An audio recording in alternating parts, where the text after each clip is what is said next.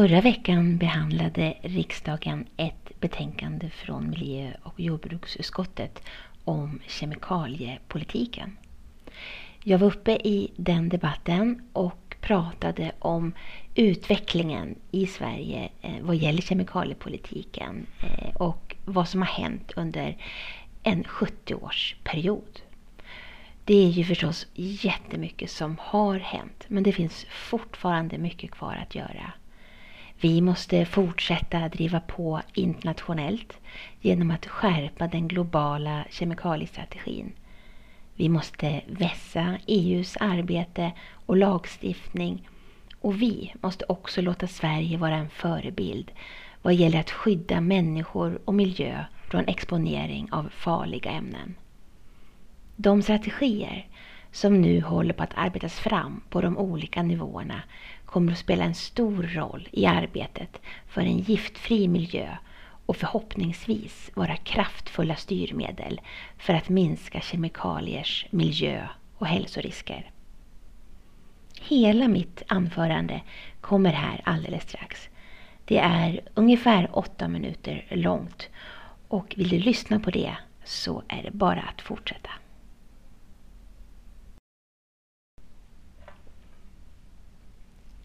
Herr talman! Allt är kemi. Jag klippte ut den rubriken och hade den uppsatt på mitt kylskåp under många år. För jag är utbildad kemist och har under många år levt i kemins värld. Det är en fascinerande värld och ett område som jag älskar. Den innebär så många möjligheter för oss människor men den kan samtidigt innebära så stora hot. En förgrundsgestalt för den moderna miljörörelsen var marinbiologen och författaren Rachel Carson. Hon tog i sin bok Tyst vår upp en lång rad klorerade organiska kemikalier som heptaklor, dieldrin och aldrin.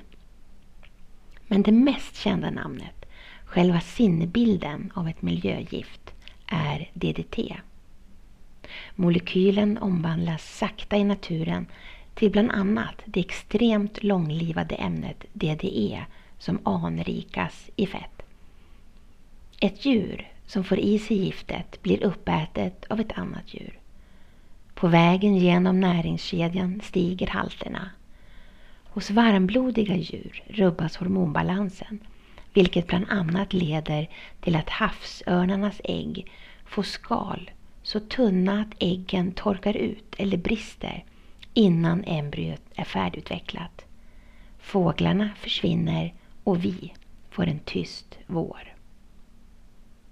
Tyst vår finns med på flera listor över världens viktigaste facklitterära böcker. Den gör upp med en naiv tro på att kemin snabbt och enkelt kan lägga naturen till rätta efter människans behov. En tro som länge var utbredd även i Sverige. För snart 70 år sedan fanns ett reportage i Dagens Nyheter som visar hur förhoppningarna om kemiska mirakelkurer kunde se ut.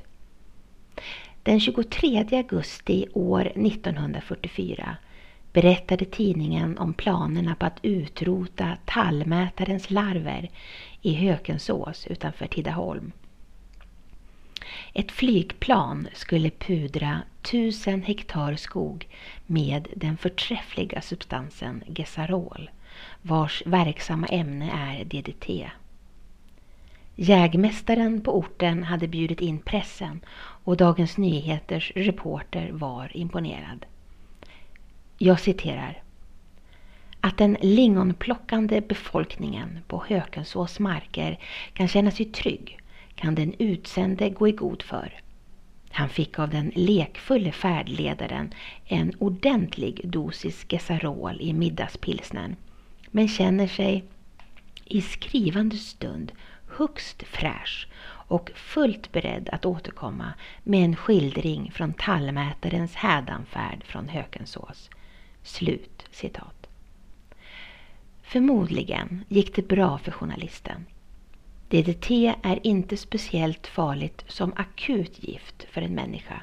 Däremot är det dödligt för många leddjur. Grundläggande för dagens svenska kemikaliepolitik är miljökvalitetsmålet Giftfri miljö och tillsammans med generationsmålet har det varit utgångspunkten för de ställningstaganden som Sverige gjort inom EU och internationellt. En särskild strategi och handlingsplan för att nå miljökvalitetsmålet Giftfri miljö och generationsmålet har antagits. Syftet med strategin är att ge tydlig prioritet åt insatser inom områden där det finns ett stort behov av åtgärder för att öka takten i arbetet. Handlingsplanen fokuserar på att skydda människans fortplantning och barns hälsa genom olika åtgärder på nationell nivå, EU-nivå och internationell nivå. Lagstiftningen idag inom kemikalieområdet är i stor utsträckning harmoniserad. Vilket innebär att arbetet inom EU är centralt för att minska riskerna med farliga ämnen. Utvecklingen av kemikalielagstiftningen REACH inom EU är därför ytterst viktig att påverka. I princip omfattas alla kemiska ämnen av REACH. Det betyder att kemiska ämnen i till exempel rengöringsprodukter och målarfärger samt i varor som kläder, möbler och hushållsapparater omfattas. Därför påverkas de flesta företag i EU av förordningen. REACH lägger bevisbördan på företagen. För att uppfylla kraven i förordningen måste företag identifiera och hantera de risker som är kopplade till de ämnen de tillverkar eller importerar och säljer inom EU och EES-länderna. De måste visa att ämnet kan användas på ett säkert sätt och de ska ge information om lämpliga riskhanteringsåtgärder till användarna. EU kan förbjuda farliga ämnen om riskerna med dem inte går att hantera. Det kan även krävas tillstånd för att få använda vissa ämnen i EU. Sverige är ett av de länder som lämnar flest förslag på åtgärder för ämnen inom REACH. Vår ambition måste vara att vi kommer att fortsätta detta arbete och att regeringen fortsätter att trycka på inom EU för en högre ambitionsnivå på kemikalieområdet. Styrmedel på kemikalieområdet är väldigt viktigt. Rätt utformade skatter och andra ekonomiska verktyg har stor potential att på ett kostnadseffektivt sätt bidra till att nå miljömålen och även att verka substitutions och innovationsdrivande. Av januariavtalet framgår att ekonomiska styrmedel ska användas för att ställa om samhället i en miljövänlig riktning. Bland annat ska det införas en skatt på farliga kemikalier i kläder och skor. När den så kallade kemikalieskatten beslutades var en viktig utgångspunkt att Sverige ska vara en förebild i världen där höga miljöambitioner skapar innovationskraft och att Sverige inte kan avstå från att arbeta för en miljö och hälsomässigt bättre konsumtion bara för att andra länder inte har samma skatter. Det finns all anledning att påminna om denna ambition och behovet av att minska förekomsten, spridningen och exponeringen av farliga ämnen gentemot människor och miljö. Kemikalieskatten är ett effektivt verktyg för att minska spridningen av farliga kemikalier i miljön. Just nu pågår det även arbete när det gäller beskattning av kadmium och bekämpningsmedel. Det är snart 70 år sedan DNs reporter fick en dos DDT i middagspilsnern. Mycket har hänt sedan dess. Men det finns fortfarande mycket kvar att göra. Vi måste fortsätta driva på internationellt genom att skärpa den globala kemikaliestrategin.